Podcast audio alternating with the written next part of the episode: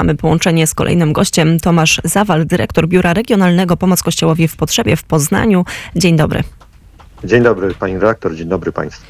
My dziś wykorzystamy ten porankowy moment, aby przybliżyć słuchaczom Radia Wnet wnioski, jakie płyną z raportu przygotowanego mm, właśnie przez, przez pomoc Kościołowi w potrzebie. Mm, W listopadzie zwracają Państwo uwagę właśnie na kwestię wolności religijnej, na prześladowania chrześcijan. Proszę powiedzieć, jakie te najważniejsze wnioski, informacje płyną z raportu?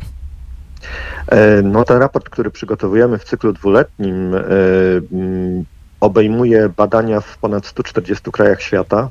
E, Właściwie staramy się e, całą populację mm, e, ogarnąć, natomiast no, te najlepsze dane mamy z tych 140 krajów świata. Jakie są wnioski? Jeśli chodzi o ograniczenie wolności religijnej, ona dotyka w zasadzie, można powiedzieć, że połowę ludzkości.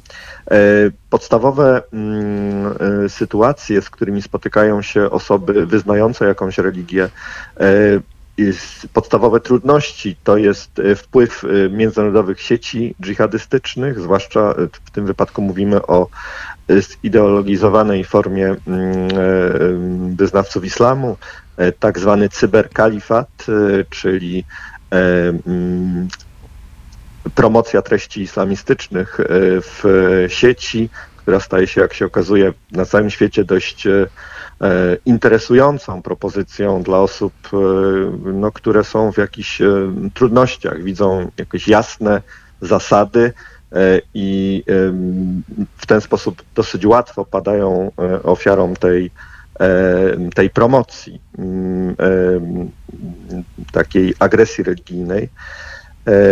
Jeśli chodzi o czas pandemii, mm, mieliśmy mm, taką, takie nowe zjawisko, mianowicie mniejszości religijne, zwłaszcza w Azji, były obwiniane e, o to, że e, tak naprawdę tej pandemii sprzyjają, że to e, społeczeństwa zachodnie, w tym e, w tej sytuacji najgorzej stawiani są chrześcijanie, bo to oni są niejako traktowani jak ci, którzy są przedstawicielami społeczeństw zachodnich przez, e, przez chrześcijaństwo, no, które najszy, oczywiście najsilniej rozwinęło się w, w, w krajach Europy Zachodniej, czy w krajach Europy, czy w, w, na kontynencie amerykańskim. Także oskarżanie chrześcijan o to, że są jakby mm, piątą kolumną e, tych em, koncernów farmaceutycznych, które czerpią jakieś dochody z rozprzestrzeniania się plagi COVID.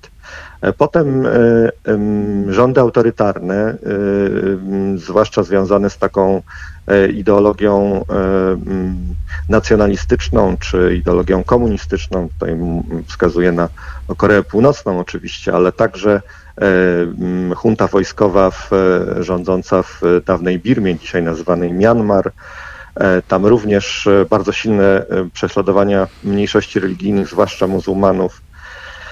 No w Azji mamy jeszcze do czynienia, zwłaszcza w Pakistanie, z takim bardzo smutnym zjawiskiem, jakim jest przemoc seksualna stosowana przeciwko mniejszościom religijnym. Porywanie młodych dziewcząt, porywanie kobiet, e, zwłaszcza w krajach o takim silnym modelu patriarchalnym.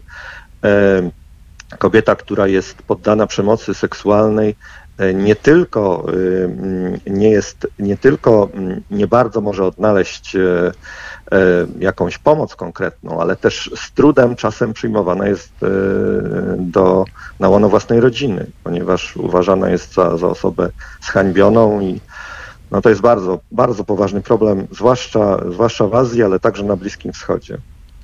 Czyli E, można. Po, mhm.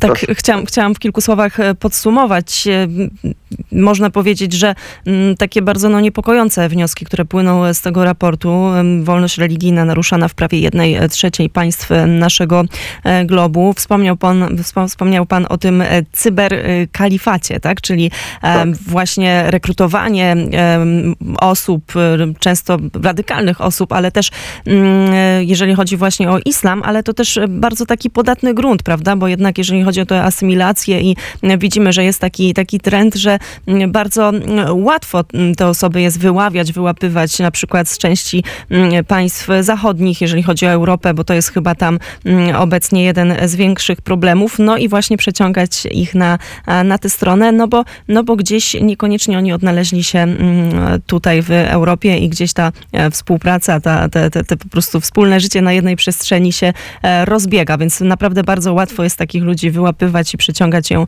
e, na stronę, mm, na stronę jakiegoś radykalnego islamu. Teraz w takim razie e, pytanie, no sytuacja jest bardzo e, trudna, o tym pewno moglibyśmy jeszcze mówić bardzo długo, ale w związku z tym, że radio ma też swoją dynamikę i za trzy minuty powoli będziemy zmierzali do końca, to może powiedzmy, jakie są pomysły na to, aby chociaż odrobinę polepszyć sytuację chrześcijan na świecie. E, Ten raport dotyczy także przedstawicieli innych religii, więc te nasze wnioski dotyczą niejako wolności religijnej szeroko rozumianej. E, No, m, nasze e, stowarzyszenie działa na jakby trzech podstawowych polach.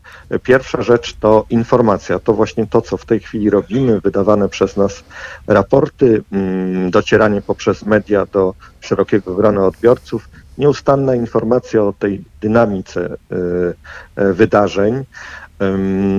Oczywiście y, ta, to działanie medialne ma również delikatny wpływ na kwestie prawodawstwa, bo im więcej osób y, y, posiada pewną świadomość, znajomość tematu, tym ym, jakby większa może być presja na, na tych, którzy stanowią prawo, aby to prawo było bardziej tolerancyjne, czy też dotyczyło, bardziej chroniło w, tym wypadku wolność religijną, wolność do, e, e, do wyznawania w sposób wolny własnych przekonań. E, Druga rzecz to jest e, wsparcie materialne. Nasza organizacja em, to jest paradoks, ale chyba, który dotyka w ogóle organizacje humanitarne w ostatnim czasie na świecie, e, rokrocznie zwiększa pulę pieniędzy, które otrzymuje od darczyńców. E, e, Przed pandemią były to kwoty o dziwo niższe niż teraz e, po pandemii i w trakcie kryzysu związanego z bezpie- bezpieczeństwem światowym, związanego z wojną w Ukrainie. E, Także mamy tych środków jakby więcej, ale i także oczywiście rosną potrzeby. I my jeszcze na pewno także będziemy na tę sytuację zwracali uwagę. Jeszcze na zakończenie proszę powiedzieć e, w kilku słowach, czy już ten raport jest dostępny, gdzie słuchacze Radia Wnet mogą go znaleźć.